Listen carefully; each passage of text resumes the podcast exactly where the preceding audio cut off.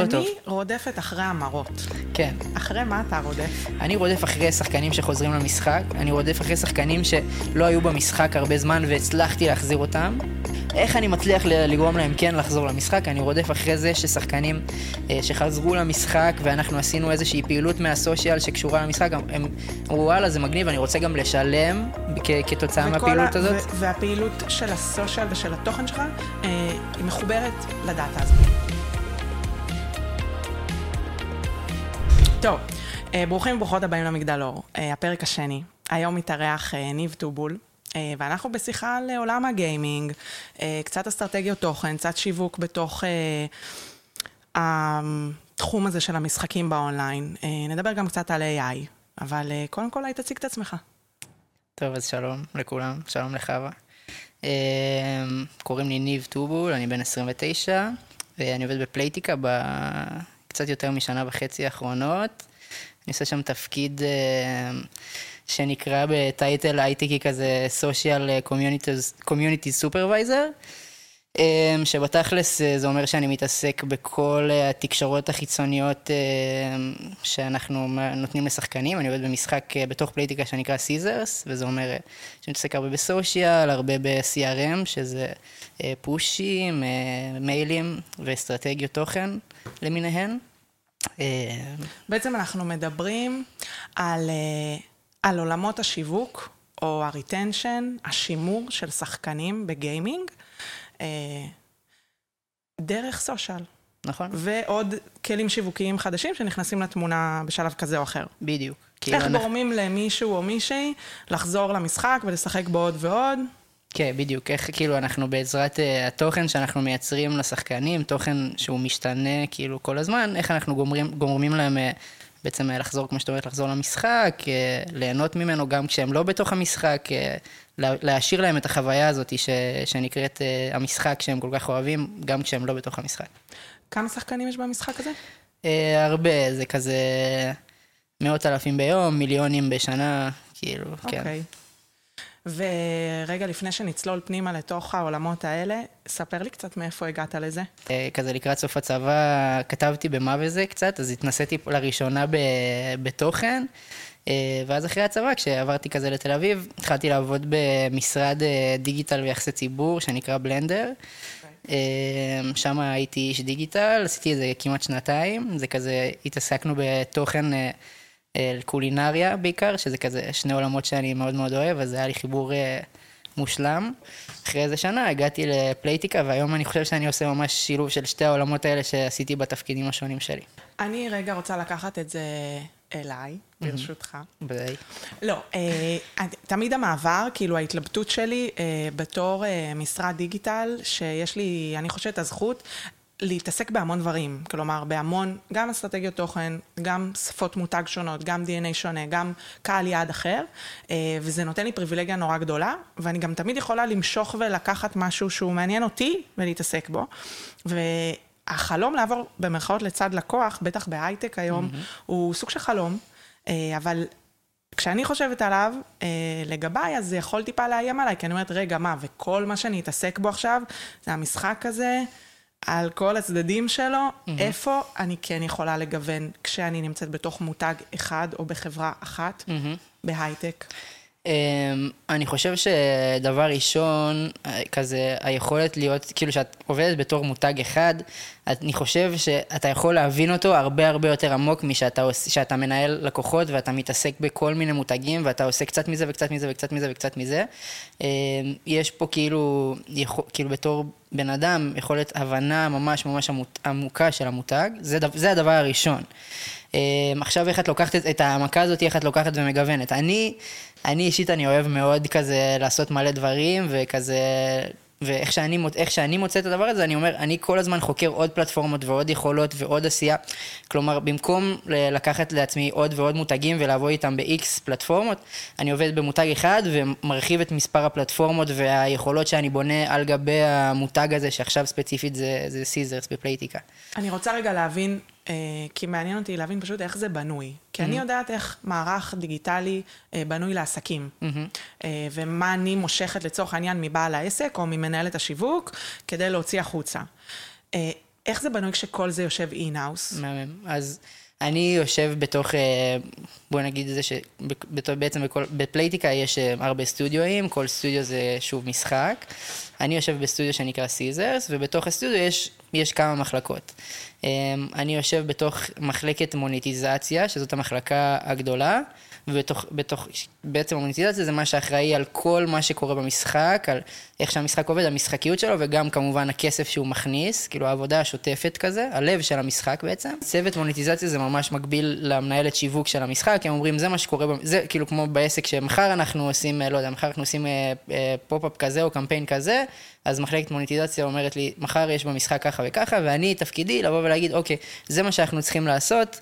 כדי שהקהל שלנו יכיר את זה, כדי שהקהל שלנו ייכנס לזה. אה, איך שאני בונה את הדברים זה, אני לוקח את הסיפור של סיזרס, אני אומר, אוקיי, אנחנו עכשיו צריכים אה, לקחת ולספר על feature מסוים שקורה במשחק, ואז אני אומר, אוקיי, זה הכלים שיש לי לעשות כדי לספר את ה feature הזה, יש לי את הטיק טוק ואת האינסטגרם ואת הפייסבוק ואת היוטיוב וכולי וכולי, ואני אומר, טוב, עכשיו איך אני לוקח את הפיצ'ר הזה ואני תופר את הסיפור המותאם שלו לכל פלטפורמה, מה יעבוד בכל פלטפורמה.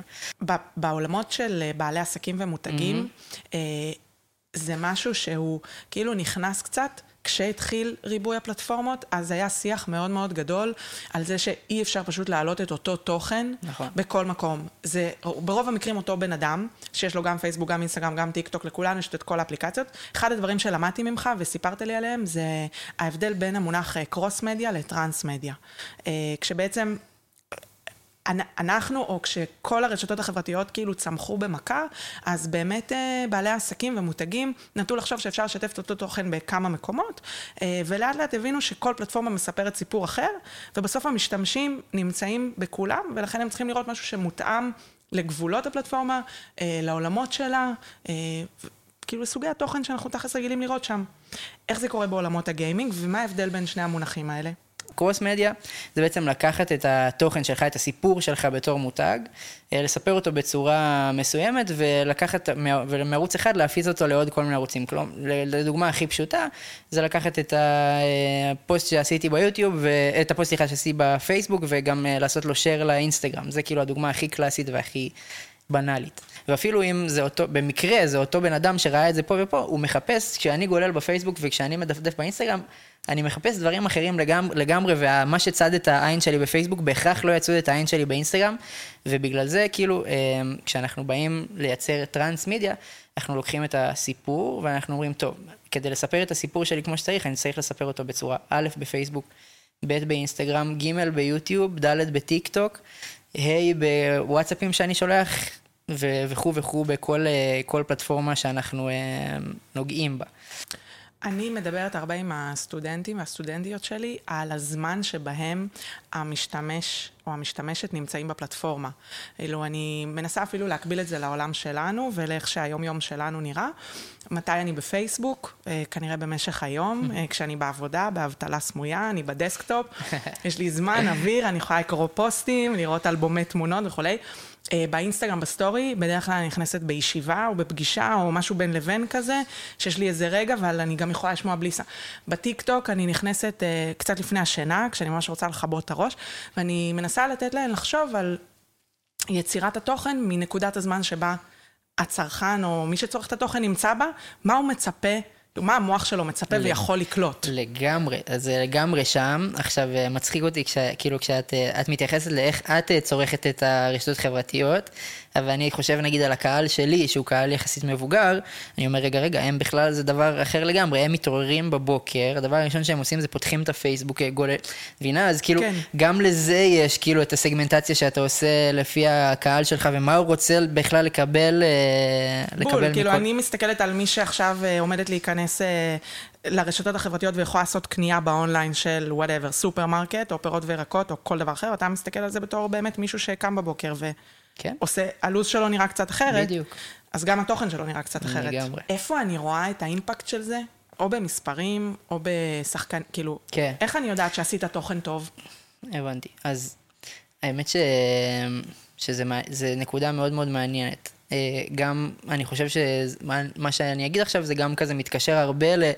איפה, אני חושב, איפה שונה ניהול סושיאל, נגיד במותגים אה, קטנים אה, עירוניים כאלה לבין ניהול מותג בחברה ענקית כמו פלייטיקה אה, בסושיאל. אז אחד הדברים שאני הבנתי נורא מהר כשהגעתי לארגון כמו פלייטיקה זה שכמויות הדאטה שארגון כזה צובר הן, הן ענקיות, כאילו זה המון המון המון דאטה שיש המון המון אנשים שתפקידם הוא לנתח אותו כל הזמן. אמ, ואתה בתור איש סושיאל כזה קריאיטיבי ומת על סיפורים וכזה, אתה מגיע לעולם כזה ואתה מבין שאוקיי, פה זה, זה יש פה משהו קצת שונה, זה לא רק המספרים האלה שאנחנו רואים, האינגייג'מנטים, אה, לייקים, קומנטים, שאנחנו מודדים את עצמנו בדרך כלל, או, או כאילו אם אה, הגזמנו ועשינו קמפיין, אז אה, קצת לידים, זה לא, מס, זה לא מספיק. יש הרבה הרבה נתונים שנמדדים כל הזמן, בין אם זה אה, כמה שחקנים חזרו באותו יום למשחק וכמה מהם אה, שילמו כסף וכמה מהם אה, חזרו ביום שלמחרת וכמה, וכמה הם שיחקו והמון המון המון המון המון דאטה.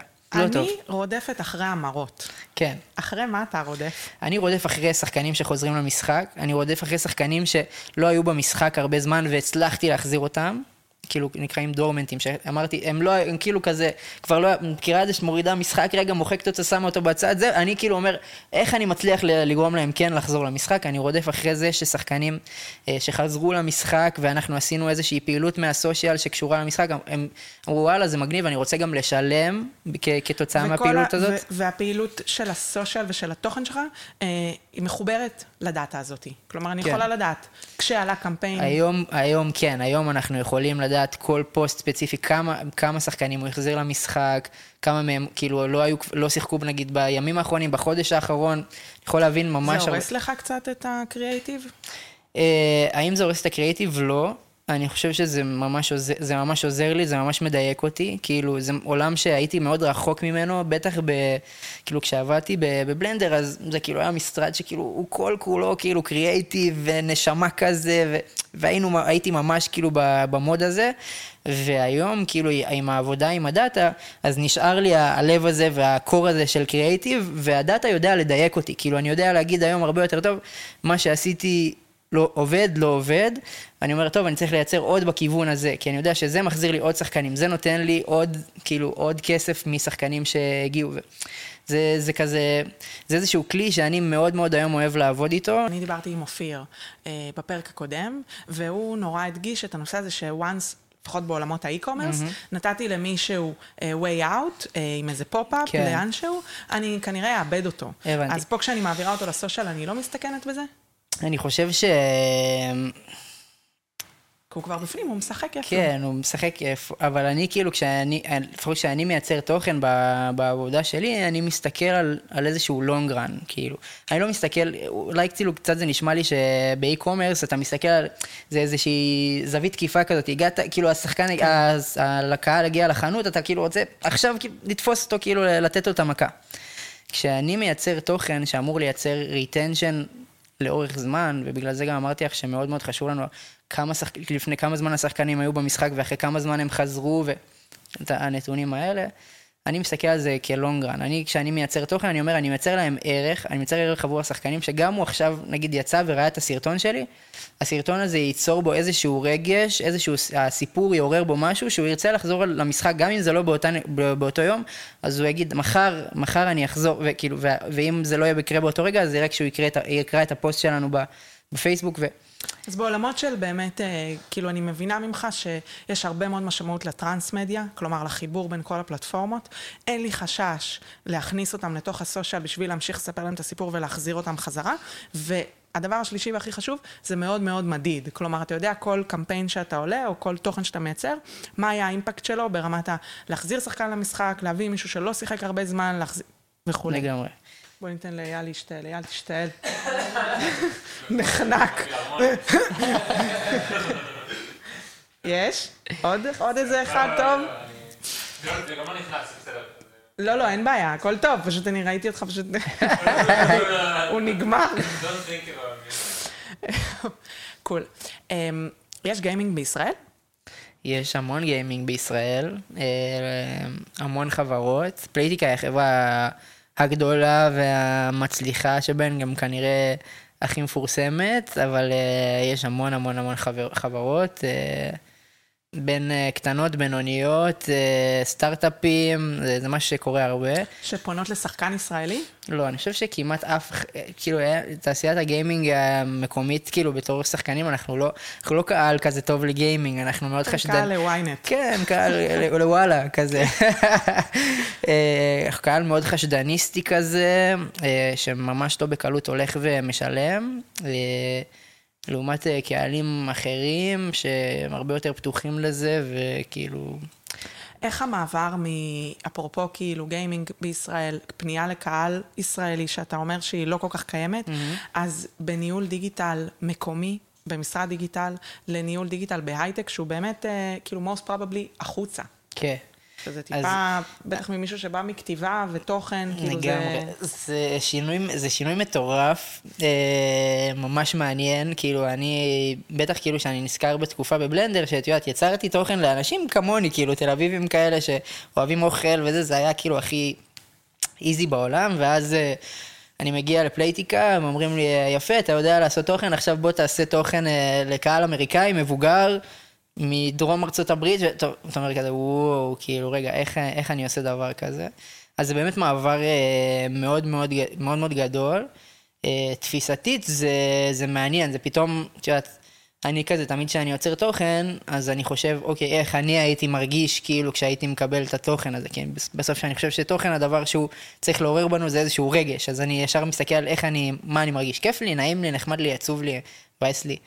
אה, אז עכשיו, כשאני עושה את זה, אני מסתכל על עצמי, האולי מבוגר, האולי אמריקאי, אה, שזה, שזה קשה, זה מאפיינים שאתה צריך כאילו איזושהי פרסונליזציה שצריך לבנות על עצמך כדי להתאים תוכן לאנשים אחרים. אה, זה, זה לוקח כאילו, לוקח לי כמה, לוקח זמן כזה להיכנס לזה, לבנות את זה. אתה- נעזר בכאילו אנשים שיש להם את, ה, את הניסיון הזה ומכירים באמת את הקהל טוב. יש לנו כאילו בפלייטיקה אנשים שהם כזה מנהלי לקוחות VAPs כאלה, אז הם מכירים את, השח, את השחקנים גם קצת אישית, וכזה זה מקום להיעזר בו. זה מעניין שאתה אומר את זה, כי אני מדברת הרבה מאוד עם אה, סטודנטים וסטודנטיות שיוצאים לשוק העבודה בתחום הזה, ואני גם מנסה לפצח את זה ברמת, ה... ברמת מערך השיעור והכלים שאני נותנת להם. אה, ואני, ואני חושבת שאחד הדברים הכי משמעותיים היום אה, למנהלי דיגיטל צעירים, זה יכולת אסטרטגית, כלומר באמת לראות משהו ברמת המקרו שלו, ולהבין איך מפרקים אותו לתוכן.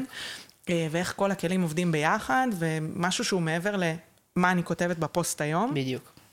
שזה סופר סופר קריטי, בטח בעולם של ריבוי פלטפורמות כל כך. כן, אני רוצה להגיד שזה גם, כאילו, בואי נגיד, אה, אתה, אתה צריך כזה גם קצת להיות all around, כזה קצת all around player כזה, כאילו, את, אני לא חושב שאני הבן אדם הכי קריאיטיבי בעולם, והאסטרטג הכי נכון. טוב, וזה, אבל אני חושב שאיפשהו סך היכולות להביא את, את כל הכלים ביחד ולהגיד, הנה, יש לי ארגז כלים מלא, מפוצץ במיליון דברים, כאילו, זה, זה הדבר. טוב, אז אה, קודם כל תודה, ניב, שבאת. לך. אה, למדתי ממך המון. אני לומד ממך תמיד. תודה. גם מתכונים, אני מקווה. זה, כן, זה אחרי הסגיר נעשה... נעשה החלפה של כן. טיפים חשובים. אה, אבל תודה לכל מי שהקשיב והקשיבה לנו. אה, אני מקווה שגם לכם זה נתן ערך. אה, וזהו, אם אהבתם את הפרק, אז אה, תעקבו, או תשתפו אותו עם חבר או חברה שאלה עולמות התוכן שלהם. אה, ונתראה בפעם הבאה. נתראה.